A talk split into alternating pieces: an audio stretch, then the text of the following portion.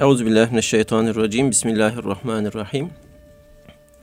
Kıymetli Erkam Radyo dinleyenleri bir İlmihal Saati programından tekrar merhabalar. Yüce Rabbimizin selamı, rahmeti ve bereketi hepimizin üzerine olsun inşallah.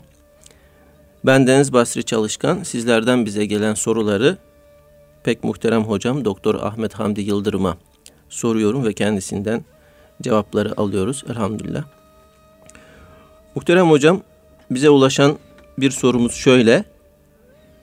Allahü Teala ile veya Peygamber Efendimizle görüştüğünü iddia eden kişinin durumu nedir? Bu manada Allah Teala'dan veyahut da Peygamber Efendimiz'den aldığı emirlerin herhangi bir geçerliliği var mıdır? Elhamdülillahi Rabbil alemin ve salatu ve selamu ala Resulina Muhammedin ve ala alihi ve sahbihi ecmain. Şimdi tabi muhataralı bir sual bu. Evet. Yani e, iki yönlü bir durum söz konusu burada. Bir defa şunu öncelikle kabul etmek, teslim etmek gerekir ki her Müslüman Cenab-ı Allah'la görüşür, konuşur. Nitekim Kur'an-ı Kerim okumak, Yüce Allah'ımızla görüşmek, konuşmak anlamına gelir. Bakınız Fatiha-i Şerife Kur'an-ı Kerim'de hemen başa konulmuş olan bu sure-i celile kulun Rabbine hitabı, konuşması anlamınadır. Nitekim sahih hadislerde Hz. Peygamber aleyhissalatu vesselam Efendimiz Cenab-ı Allah'ın Fatiha ile kulum beni önce yüceltir, sonra kulluğunu arz eder, peşinden de benden talepte bulunur, ben de ona istediğini veririm buyuruyor. Bakınız Fatiha Elhamdülillahi Rabbil Alemin bütün hamdler alemlerin Rabbi olan Allah'a mahsustur. Evet. Elhamdü'deki eliflam Arapça ifadesiyle istigrak ifade eder. Yani bütünü kapsar, kuşatır, içine alır. Bunun tercümedeki yansıması bütün hamdler demektir. Bütün övgüler, bütün teşekkürler, bütün senalar, bütün medihler alemlerin Rabbi olan Cenab-ı Allah'a mahsustur. Kim kime niçin bir övgüde bulunursa bulunsun, teşekkür ederse etsin, medheder etsin, gerçekte bu medihin, bu senanın, bu teşekkürün, bu hamdin sahibi Cenab-ı Allah'tır.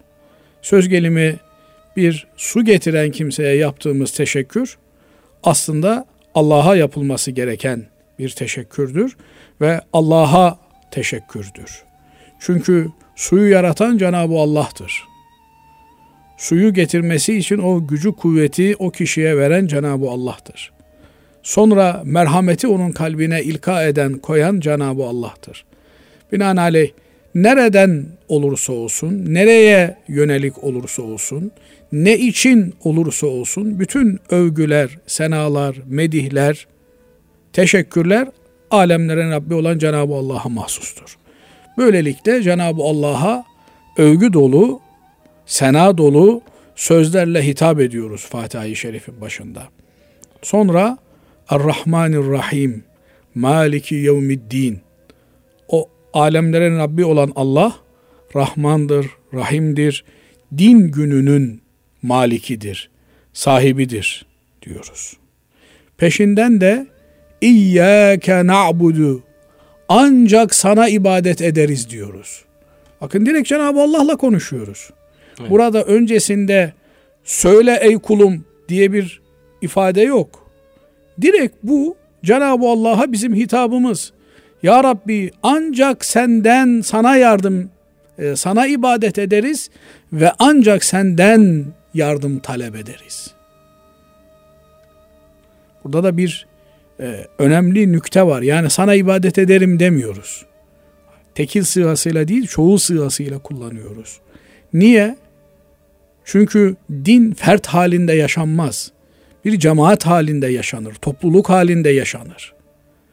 Dolayısıyla ben ben olarak ya Rabbi belki günahkar bir kulum. Senin huzuruna çıkmaya layık değilim. Seninle konuşmaya benim mecalim yok. Ama sen beni ben olarak değil de muazzam iki milyarlık bir Müslüman ümmetinin bir parçası olarak o iki milyarla beraber ibadet ediyorum ben sana ya Rab. Ki büyüklerin şanındandır. Onlar ikram edecekleri zaman ayırt etmezler. Yani beş kişi misafir gelmiş hepsine ikram ederler. O beş kişi misafir içerisinde belki önemli olan bir kişidir. Evet. VIP olan, protokol olan bir şahıstır. Ama onun hürmetine herkes o ikramdan nasip alır. Dolayısıyla bu ifade de çok manidar bir ifadedir.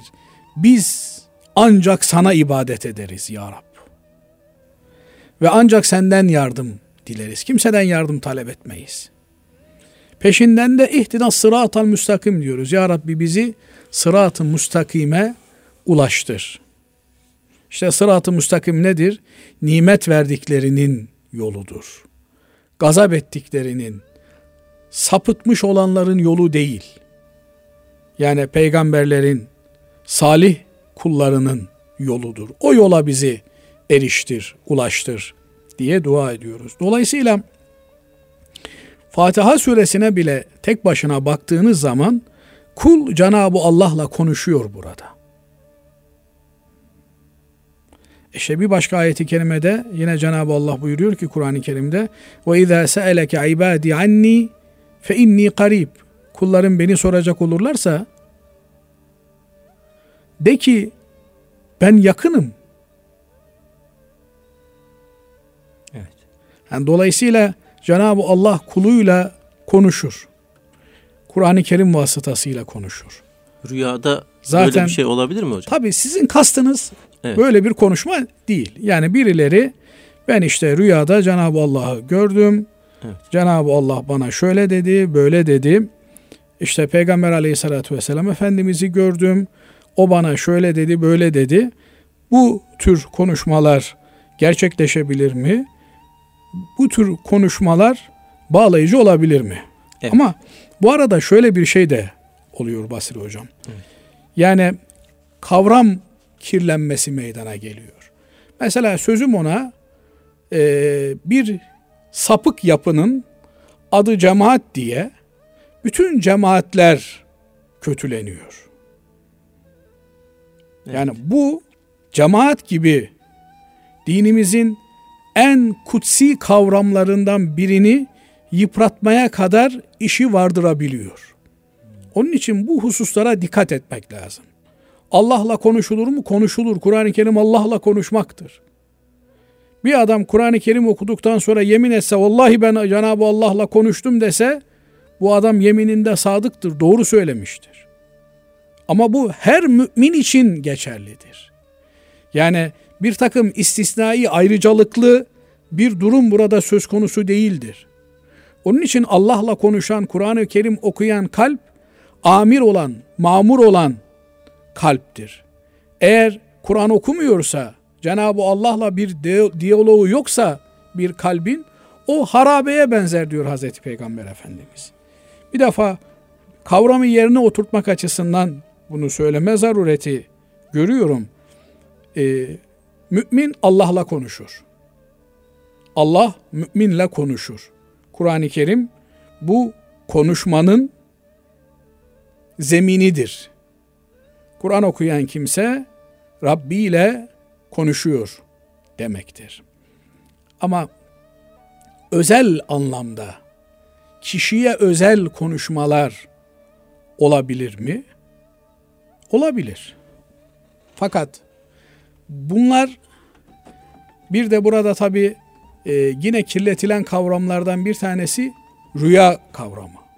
Evet hocam. Yani e, şimdi bir takım kimseler rüya yoluyla bir takım e, tırnak içerisinde mahrem bilgilere ulaştıklarını ve bir takım özel gizli mesajlar aldıklarını söyleyerek insanları saptırıyor, yoldan çıkartıyorsa burada suçlanılacak kurum, müessese rüya kurumu olmamalıdır. Rüya Hazreti Peygamber aleyhissalatü vesselam Efendimizin ifadesiyle rüyadan kastımız da rüyayı sadıka yani doğru olan rüya nübüvvetin 46 cüzünden bir cüzdür. Yani peygamberliği oluşturan parçalardan bir parçadır. Efendimiz Aleyhisselatü Vesselam'a peygamberlik önceleri rüyayı sadıkalar olarak başlamış gelmiştir. Rüya bir e, farklı alemdeki yolculuktur. Mahiyetini pek bilemediğimiz farklı bir gerçekliği olan, boyutu olan bir durumdur.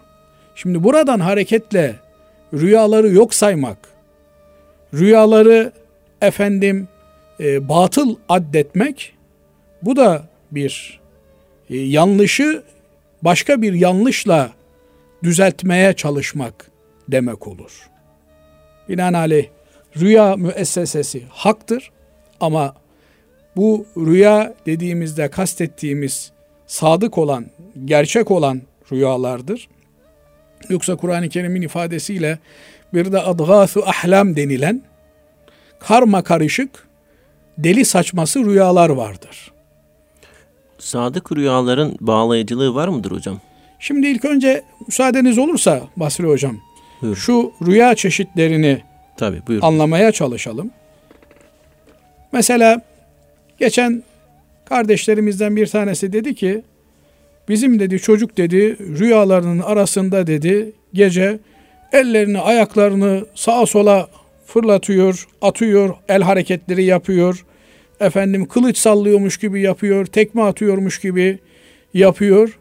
Dolayısıyla buna yapılabilecek bir şey var mı? Hangi ayetleri okuruz? Ne yaparız filan türünden bir şey söyledi. Dedim ki senin çocuk dedim çizgi film seyrediyor mu dedim. Evet dedi hocam dedi sabahtan akşama kadar çizgi film seyrediyor dedi. Nasıl çizgi filmler? Vurdulu, kırdılı, savaşlı çizgi filmler. Sen dedim çocuğa bir hafta dedim çizgi film seyrettirme. Bir hafta sonra her şeyin düzeldiğini görürsün. Yani rüyaların önemli bir bölümü günlük yaşadığımız hadiselerden etkilenmemiz neticesinde gördüğümüz şeylerdir. Evet. Dolayısıyla rüyayı sadıka denilen yani e, gecenin ayın 14'ünde parıl parıl parladığı gibi ayan beyan olan rüyalar onlar çok nadiren görülen rüyalardır. Ve e, görüldükten sonra hafızada bir film şeridi gibi taze kalan rüyalardır. Yani şöyle rüyanı anlatırken gözünün önünde cereyan ediyormuş gibi hafızada arı, duru, berrak bir şekilde kalan rüyalardır. Bir de şeytani olan rüyalar vardır. Şeytan insana musallat olur. Aleyhissalatü vesselam Efendimiz şeytan sizden birinin damarlarının gezdiği yerde gezer, e, kanının aktığı damarlarda gezer diyor. Yecri şeytanu min ahadikum mecreddem. Kanının aktığı damarlarda gezer diyor. Yani insana ne tür vesveseler verdiğini biz bilemiyoruz. Şeytan muazzam bir düşman. Cenab-ı Allah Kur'an-ı Kerim'de müteaddit yerlerde şeytanın düşmanlığından bize bahsediyor. Bir de böyle şeytani olan rüyalar vardır. Aleyhissalatü vesselam Efendimiz böyle rüya gören kimseler diyor. Uyanır uyanmaz sol taraflarına e, üç defa e, tükürür gibi yapsınlar. Yani e, ağızlarından böyle e, su zerrecikleriyle beraber e, üfürme olsun. Tükürmekten maksat bu yoksa yere tükürmeyinizdeki tükürme kastedilmiyor burada. Evet. E, ve auzu billahi mineşşeytanirracim desin. Yani şeytandan Allah'a sığınsın e, bu rüyayı şeytana e, mal etsin. Ne görebilir mesela? Bir haram işlediğini görebilir. E, abuk sabuk bir şey rüyasında görebilir.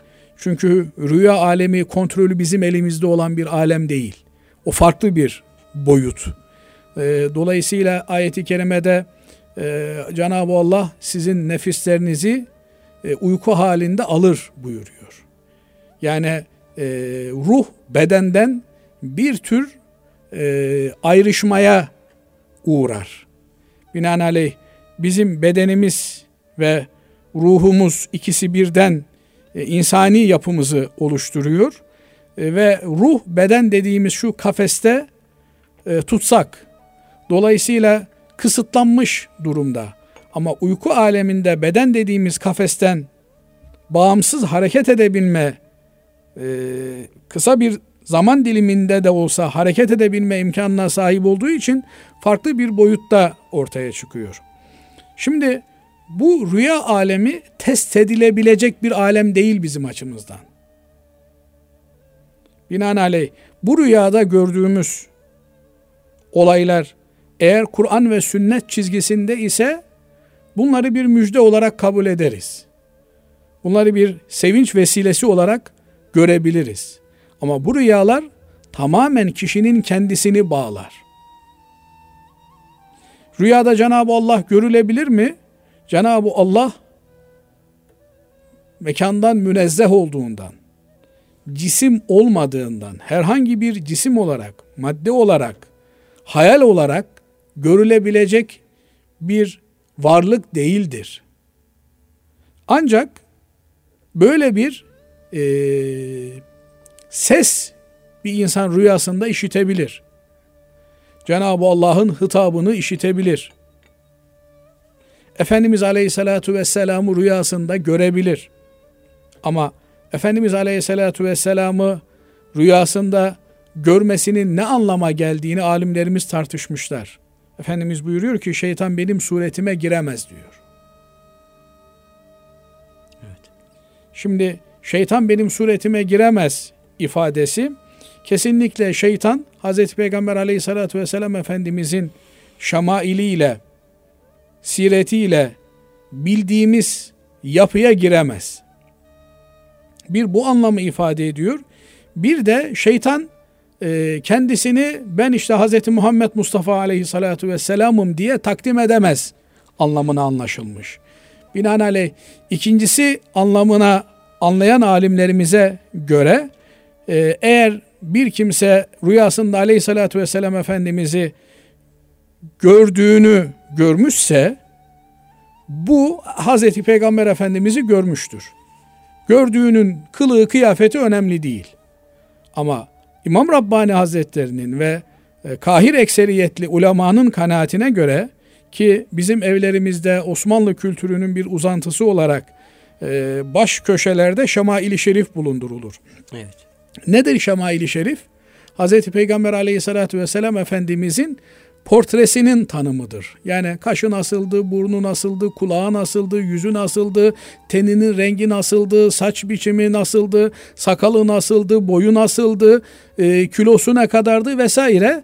Efendimiz Aleyhisselatü Vesselam'ın en ince noktasına kadar vasfedildiği, tanımlandığı şamaili şerifler evlerin baş köşelerine asılır ve bu şamaili şerif çocukluktan beri işte Efendimiz Aleyhisselatü Vesselam'ın e, saçları düzdü, kıvırcık değildi, rengi buğday tenliydi, e, efendim boyu ne çok uzun ne çok kısaydı, orta mutedil bir boya sahipti e, vesaire diye şemaili öğretilir çocukluktan beri.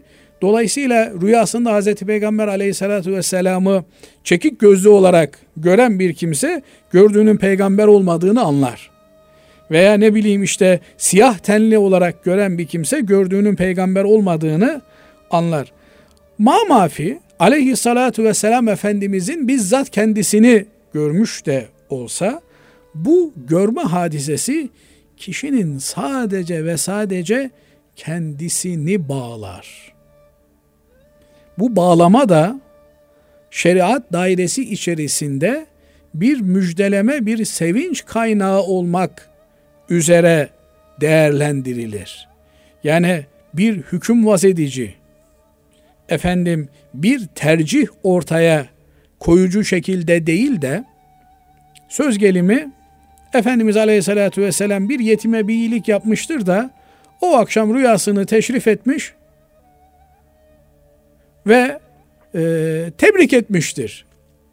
Yani Efendimiz Aleyhisselatü Vesselam'ın hali hayatındayken söylediği sözlere uygun, şeriata muvafık bir e, şey söz konusuysa rüyada bu rüya makbul rüyadır.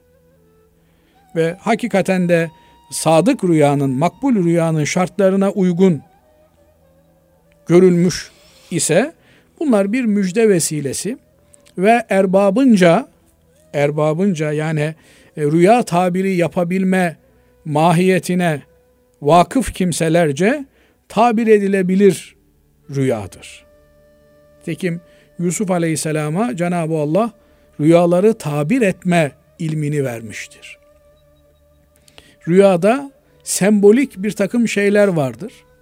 Bunlar e, bu ilme vakıf olan kimseler tarafından bilinir, yorumlanır. Nitekim bu yönüyle tarihimizde Muhammed bin Sirin Hazretleri rüya tabircisi olarak meşhur olmuştur. Çok acayip rüyaları tabir etmesiyle meşhurdur. Evet. Şimdi buradan tekrar e, dönecek olursak Cenab-ı Allah rüyada görülebilir mi? Cenab-ı Allah görülmez. Gözlerimizle onu idrak etmemiz mümkün değildir. Nitekim e, bir menkıbe anlatılır. E, menkıbe olmasını bir tarafa bırakarak şu yönüyle önemli olduğunu düşünüyorum. Abdülkadir Geylani Hazretlerine e, buluttan bir ses gelir. Ey kulum sen artık kemale erdin bundan sonra ibadet mükellefiyeti senden düştü diye. Abdülkadir Geylani Hazretleri de yerden bir taş alır, fırlatır. Kör şeytan, Allah seni rezil etsin malinde bir şeyler söyler. Şeytan döner der ki ben senin gibi işte şu kadar kimseyi yani senin makamına gelmiş şu kadar kimseyi böyle kandırdım. Sen nasıl oldu da benim şeytan olduğumu anladın? Bakın burada bir Müslümanın, bir müminin feraseti önemli. Abdülkadir Geylani Hazretleri diyor ki, bir defa diyor sen diyor buluttan bana seslendin diyor. Allah mekandan münezzehtir diyor. Evet. Yani sen bana bir buluttan seslenince buluttan bu sesin geldiğini anladım ve sesin sahibinin Cenab-ı Allah değil de şeytan olduğunu anladım diyor. Şimdi aynı şekilde e, Cenab-ı Allah mekandan münezzehtir. Zamandan münezzehtir. Cenab-ı Allah cisim değildir.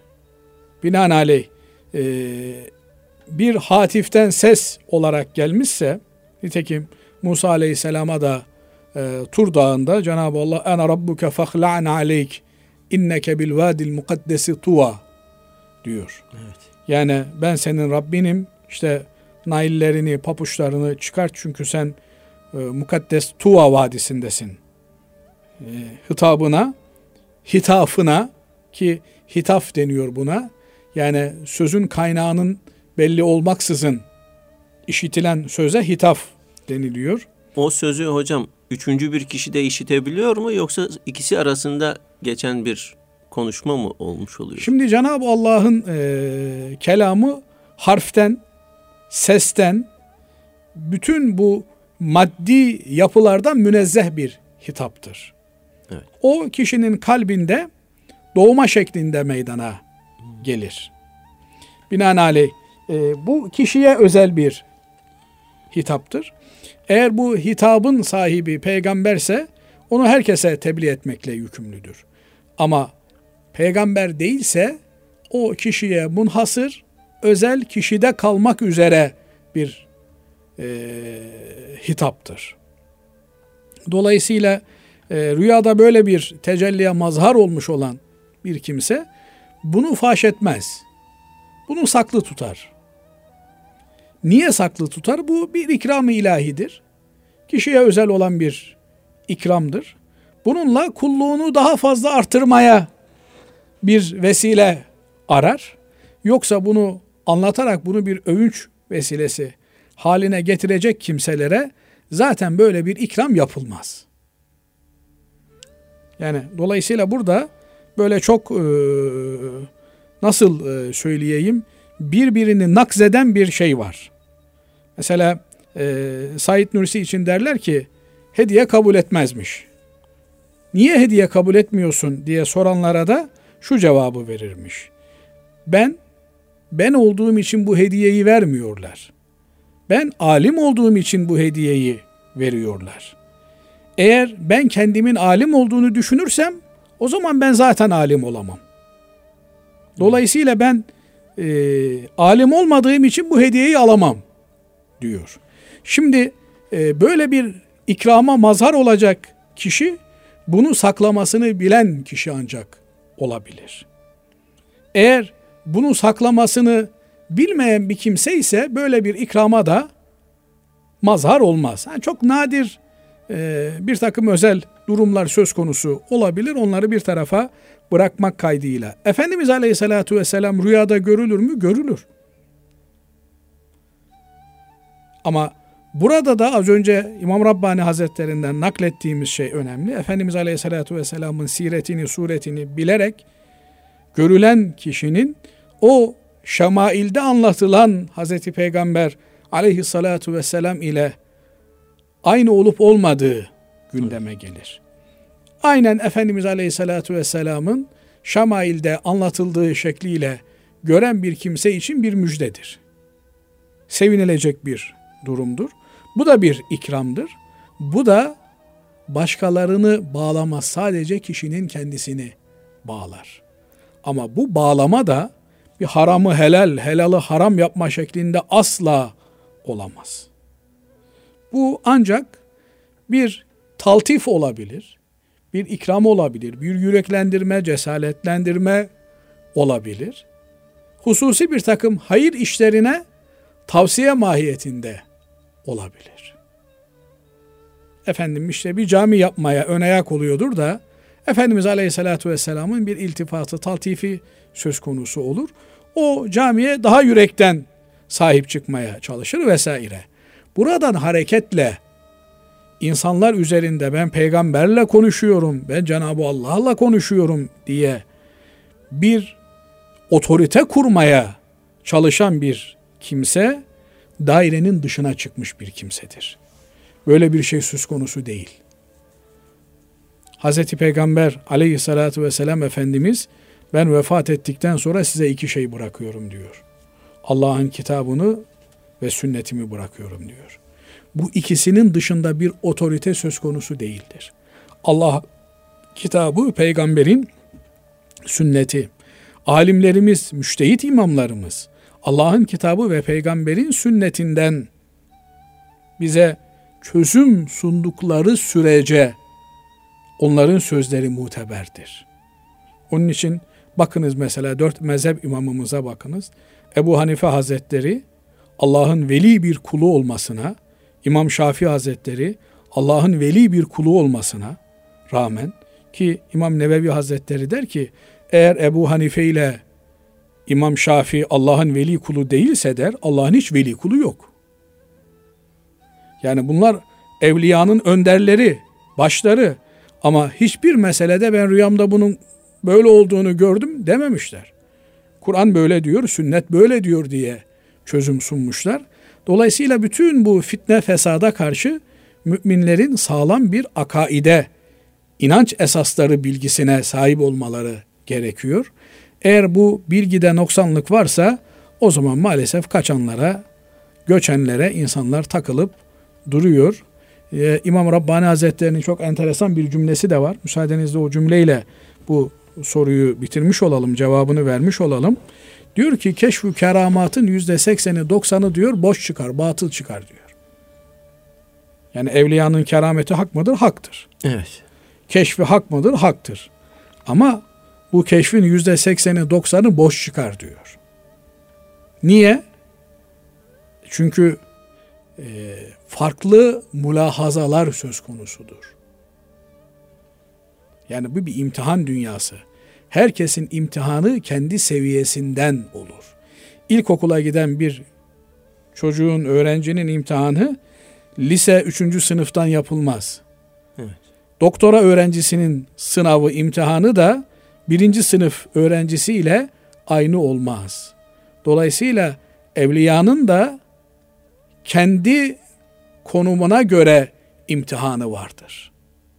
Binaenaleyh eğer keşfü keramet ibraz etmeye kalkarsa biri o keşfü kerametin çoğu yerde yanlış çıktığını görme gibi bir durumla cezalandırılır.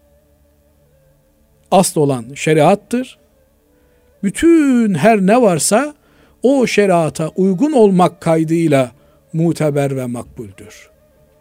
Binaenaleyh şeriatın dışında hiçbir şeyin ehemmiyeti asla söz konusu olamaz. Evet. Allah razı olsun hocam. Kıymetli Erkam Radyomuzun dinleyenleri şimdi kısa bir araya gidiyoruz. Aradan sonra tekrar sizlerle birlikteyiz. Değerli dinleyenler, İlmihal Saati programımıza kaldığımız yerden devam ediyoruz. Muhterem hocam, e, şöyle bir sorumuz var. Ülkemizde birçok ihtiyaç sahibi aile veya şahıs varken yurt dışında kurban organizasyonlarının yapılması doğru mudur? Evet güzel bir soru ee, ve sadece kurban organizasyonlarıyla da sınırlandırmamalı bunu. Her türlü yardım faaliyeti için bunu düşünmek mümkün. Yani e, memleketimizdeki yetimler, fakirler, yoksullar, açlık sınırının altında hayat mücadelesi veren insanlar bitti mi ki biz dünyanın dört bir tarafına, Afrika'ya, efendim uzak Asya'ya e, yardım götürüyoruz. Hatta e, yapılan resmi açıklamalara göre e, kişi başı milli gelir açısından değerlendirildiğinde dünyada en çok yardım yapan ülkeyiz. Evet. Dolayısıyla e, bu tür yardımlarda öncelik e, yakınlara, akrabaya, kapı komşusuna, efendim ondan sonra e, yakınlığına göre fakirlere verilmesi gerekmiyor mu diye haklı bir soru sorulabilir. Bu sorunun cevabı da evet fakirlerin yakından itibaren tespit edilmesi ve uzağa doğru e, ihtiyaçlarının karşılanılması yönüne bakılması gerekir. Söz gelimi siz Üsküdar'da yaşıyor iseniz, kazancınızı Üsküdar'da oluşturmuş iseniz, Üsküdar'ın zenginleştirdiği bir kimse iseniz, İstanbul'da servet yapmışsanız, bölgenizdeki fakirlere öncelikli olarak yardım etmeniz gerekiyor. Çünkü bölgenizdeki fakirlerin sorumluluğu öncelikli olarak size terettüp eder. Ondan sonra eğer bölgenizde fakir kalmamışsa yakın bölgelere doğru merkezden dışa doğru bir açılım söz konusu olur.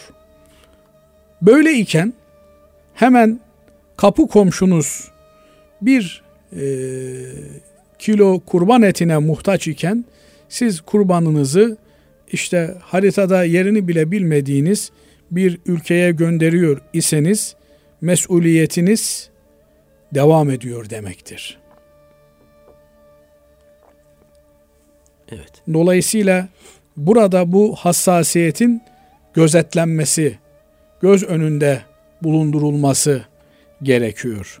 Öncelikle kendi civarımızdaki matemleri, üzüntüleri, açlıkları, fakirlikleri, yoksullukları bitirmek için çaba sarf etmemiz gerekiyor.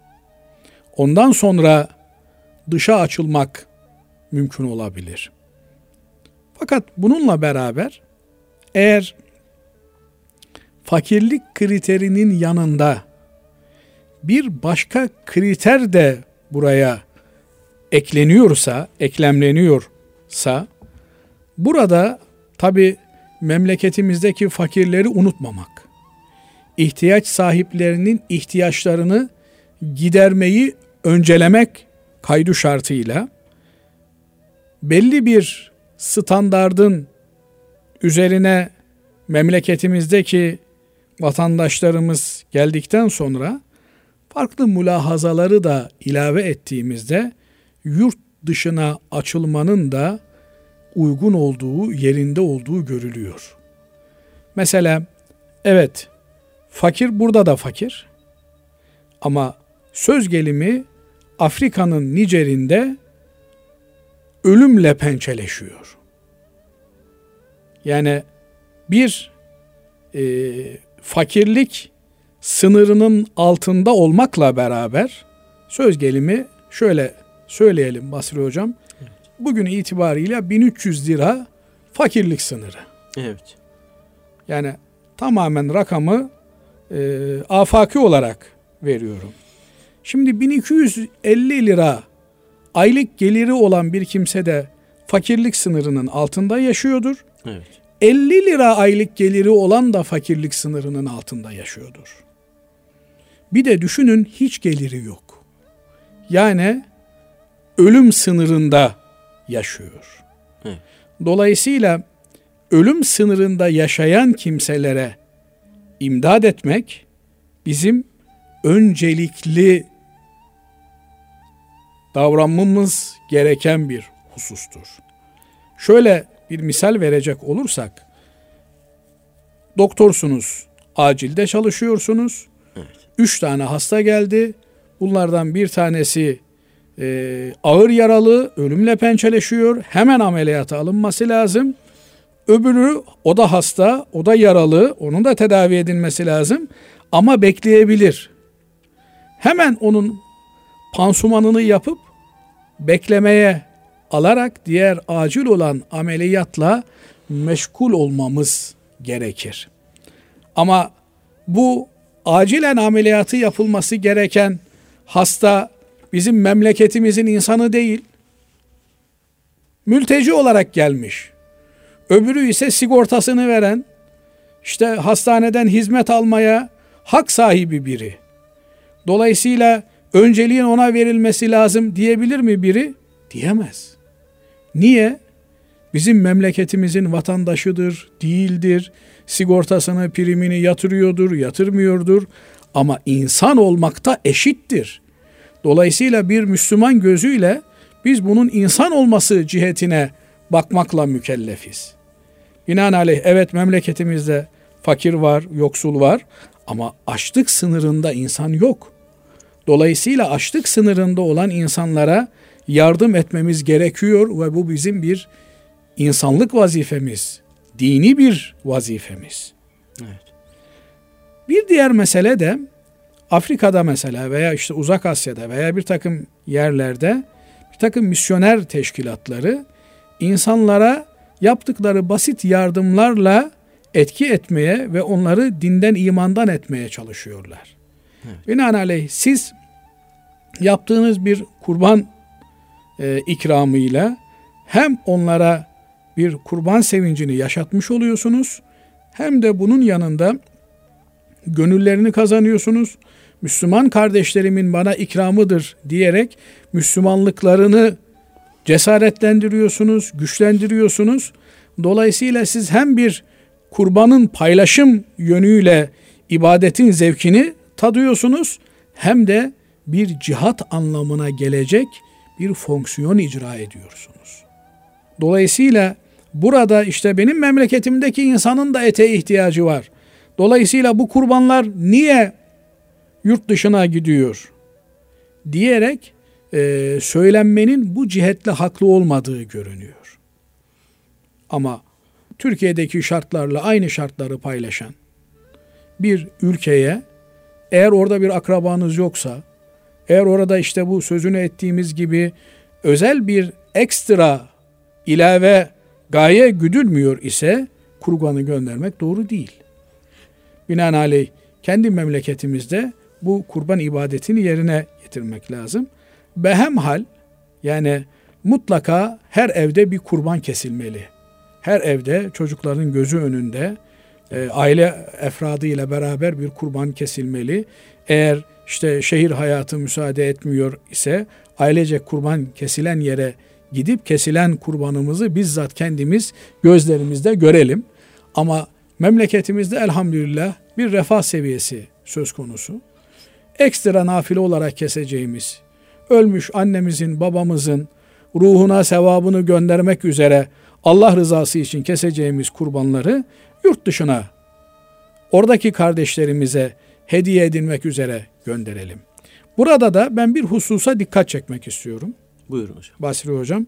Yani malum hadiseden dolayı bir takım ne idüğü belirsiz, kime hizmet ettikleri anlaşılamayan, yani e, din iman gayesi, ahiret endişesi taşımayan güruhun cemaat adında bir yapılanma ile ortaya çıkmış olmasından mütevellit cemaatlere karşı böyle bir e, anti cemaatçi söylem başlamış. Evet. Dolayısıyla işte cemaat mı aman aman aman uzak durun vesaire filan bunlar çok yanlış şeyler. Din cemaatle kaimdir. Dinin cemaatle kaim olduğunu öncelikli beş vakit namazın cemaatle ifa ediliyor olması bizlere bildiriyor. Yani eğer cami yoksa, cemaat yoksa namaz yok demektir. Binaenaleyh cami, cemaat ve bu cami cemaatlere etrafında oluşmuş olan cemaatler bizim hayatiyet damarlarımızı ifade ediyor. Eğer böyle cemaatlerimizin yurt dışında müesseseleri, sabit çalışmaları varsa öncelikli olarak onlar üzerinden bu çalışmanın yapılması gerekiyor. Evet bir takım devlet kurumları, kuruluşları böyle e, kurban bayramı münasebetiyle yeryüzünün farklı coğrafyalarında kurban kesimi yapıyorlar. E kiminle yapıyorlar bu kesimi? Orada gittikleri bir takım gruplarla beraber yapıyorlar. Dolayısıyla burada en mantıklı olan, en doğru olan kendi e, yapılarımızla bu hizmetin de yurt dışında götürülmesi ve buralara eğer kurban bağışı yapılacaksa bu müesseseler üzerinden bu bağışın yapılmasıdır. Böylelikle o müesseseler etrafında oluşmuş olan e, dini hizmetlerin bir ivme kazanmasına da biz sebebiyet vermiş oluruz diye düşünüyorum. Bu e, yönüyle bu ibadeti basit görmemek lazım. Belki bizim e, bir kurbanımızla hayatında ilk defa et görecek olan kimseler olacak. Ama tekrar ifade edelim. Bu faaliyetler memleketteki e, fakir fukara yardımının kesmemeli, bitirmemeli. Teşekkür ederiz hocam. Bir de tabii ki kurban e, zamanında özellikle günümüzde herkes kurbanını bir vekaletle vekaletle kesiyor. E, muhterem hocam vekalet verirken e, insanlarımız hangi hususlara dikkat etmelidir? Şimdi vekalet müessesesi hakikaten İslam'ın getirdiği çok önemli bir müessese. Yani nedir vekalet? Kendimizin bizzat yapabileceğimiz bir işi bir başka kimseye havale etmemiz, onu vekil tayin etmemiz, bizim adımıza o kardeşimizin bunu yerine getirmesi. Dinimizde ibadetleri üç kategoride değerlendiriyoruz.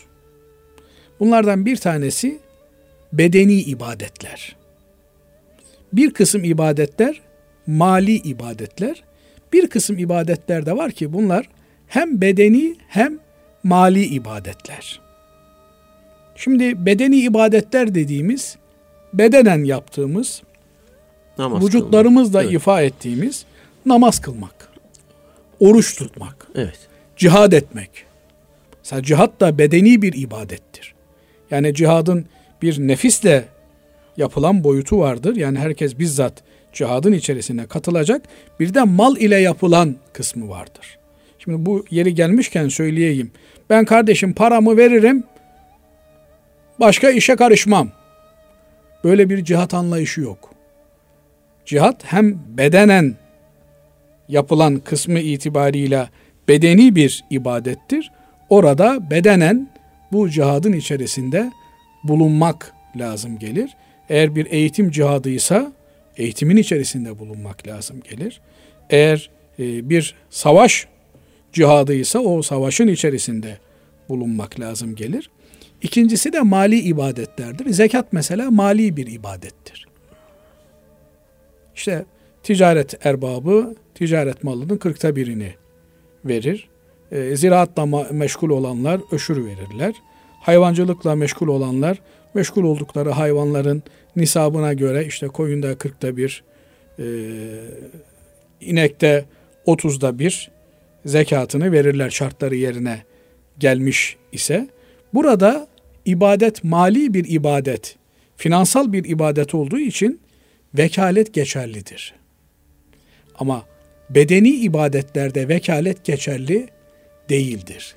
Kurban da mali bir ibadettir. Yani nihayetinde zengin olanlara düşen bir ibadettir. Evet. Şimdi bedeni ibadetlerde zengin fakir ayrımı yoktur. Ama mali ibadetler zenginlere terettüp eden bir ibadet çeşidi olduğundan mali ibadetlerimizi vekaletle görebiliriz.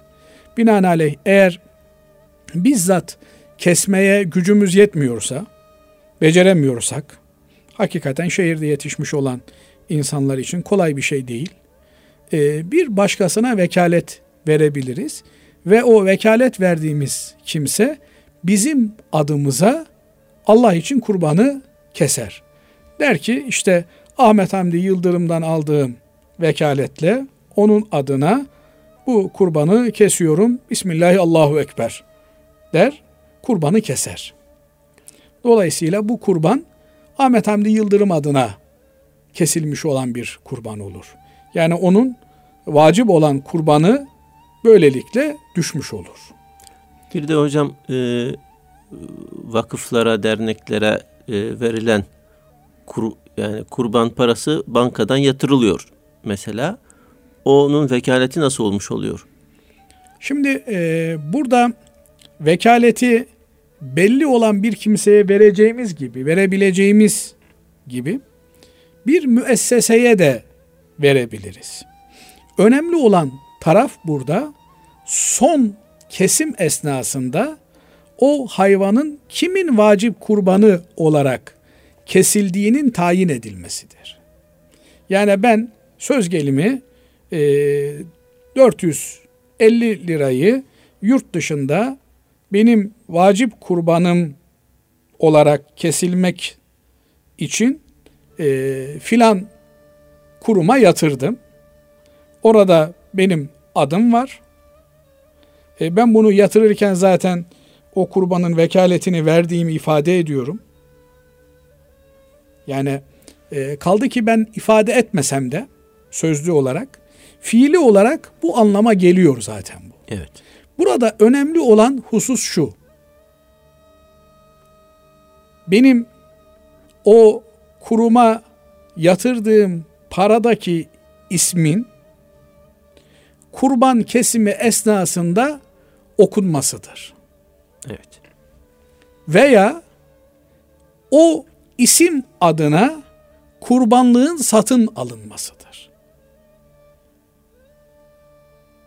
Binaenaleyh benim adıma söz gelimi işte Burkina Faso'da 500 tane koyun kesilecek. Koyunlar alındıktan sonra e, her birinin üzerine birer rakam yapıştırılmış olsun. Birden 500'e kadar. Söz gelimi 300. koyun da benim koyunum olmuş olsun. Yani listede 300. sırada Ahmet Hamdi Yıldırım'ın ismi var. 300. koyun Ahmet Hamdi Yıldırım adına kayıtlanmış oldu böylelikle. Bunları keserken tekrar Ahmet Hamdi Yıldırım'ın adını zikretmeye gerek yok. Bu koyun kimin kurbanıysa onun adına Allah için kurban ediyorum demek suretiyle o kurban benim kurbanım yerine geçmiş olur.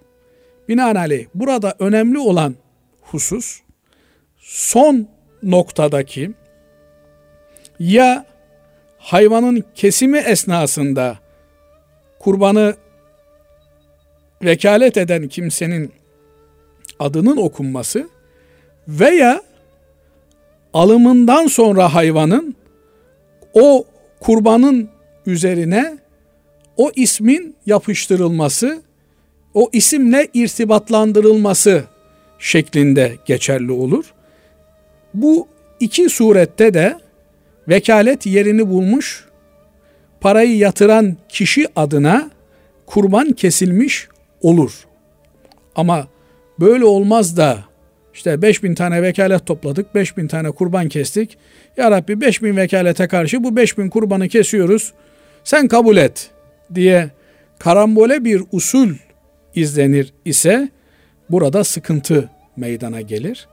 Dolayısıyla e, mutlak surette yurt dışında kurban kesim organizasyonu yapan kurum ve kuruluşların bu fıkhi boyutlara dikkat etmeleri bazen lafızcılık gibi görülüyor. Öyle değil. Yani bunların her birinin şer'i hikmeti var. Usulüne uygun, esasına uygun bir ibadet olarak bunların yerine getirilmesi gerekiyor. Kurban bir ibadettir. Bu kurbanı ibadet şuuru ve vecdi içerisinde yapmak lazım. İbadetlerde de Basri hocam evet. en önemli unsur niyettir. Niyettir tabii. Niyet olmazsa o zaman o ibadet ibadet olmaktan çıkar. Binaenaleyh bunun ibadet olduğunu unutmamak lazım. Niyetin burada şart olduğunu unutmamak lazım ve bu e, ulvi ibadeti adabına, usulüne, yoluna, yordamına uygun bir şekilde ifa etmek Bu gerekiyor. manada e, muhterem hocam e, niyetle ilgili kurbana ortak olan insanlar var. Değil mi? O ortaklarda e, hepsinin kurban niyetiyle kurbana girmiş olmaları lazım. Evet. Yani dolayısıyla işlerinden bir kimsenin niyeti ya çok acıktık biraz et yiyelim şeklinde ise o kurban kurban olmaz. Onun için mesela gayrimüslim bir ortak varsa veya ateist bir ortak varsa o kurban kurban olmaktan çıkar. Niye? İbadet olabilmesi için ibadetin ön şartı Müslüman olmaktır. Yani Müslüman olmayan bir kimsenin ibadeti olmaz. Evet. Binaenaleyh e, kurbanı kesen herkesin ortak paydasının ibadet olması gerekir. Ama kimi vacip olan kurbana niyet eder, kimi akika kurbanına niyet eder, kimi adak kurbanına niyet eder. Bunların ortak paydası ibadet olduğu için geçerlidir. Yardım niyetiyle mesela vermiş olsa olur mu hocam? Yani yurt dışına bir hisse e, miktarı para yatırıyor. Ama diyor işte yani e, et dağıtılsın. Hani et yemiş olsun oradaki fakirler gibi böyle bir niyet olabilir mi? Öyle bir niyet değildir o. Yani şudur. E, bunu kurban olarak kesin. Etini de fakir fukaraya dağıtın. Yani burada yine ibadet evet. e, şeyi söz konusudur. E, bir Müslüman özellikle de kurban bayramında kurban kesiyorsa ibadet niyetiyle evet. kesiyordur. Evet. Ancak böyle bir şey kasaptan beklenebilir. Yani işte et siparişi vardır. Ee, o kasapta ben de gireyim arada şu siparişleri karşılayayım diye evet. e, düşünüyordur. Eğer bağışlanmak üzere kestiriyorsa zaten hayvanı bu ibadet niyetiyledir. İbadet. Evet. Yani yoksa ben etini alayım satayım diye giriyorsa et niyetiyledir. Anlaşıldı. Dolayısıyla e, çok da böyle dar kalıplara da zorlamamak lazım şeyi. E, kurbanda herkes ibadet niyetiyle bu kurbana katılıyordur. E, ama belki biraz usulde yanlışlık yapılıyordur. Bunları da ikaz etmek lazım, düzelttirmek lazım. Cenab-ı Allah kestiğimiz, keseceğimiz bütün kurbanları kabul eylesin. Güzel Amin. bir kurban bayramı geçirmeyi cemi cümlemize, bütün İslam alemine nasip ve müyesser eylesin. Teşekkür ederiz hocam. Allah razı olsun. Kıymetli Erkam Radyomuzun dinleyenleri bir İlmihal Saati programımızın burada sonuna ermiş bulunuyoruz. Şimdiden Kurban Bayramınızı tebrik ederiz. Kurban Bayramı'ndan sonra buluşmak dileğiyle Allah'a emanet olunuz.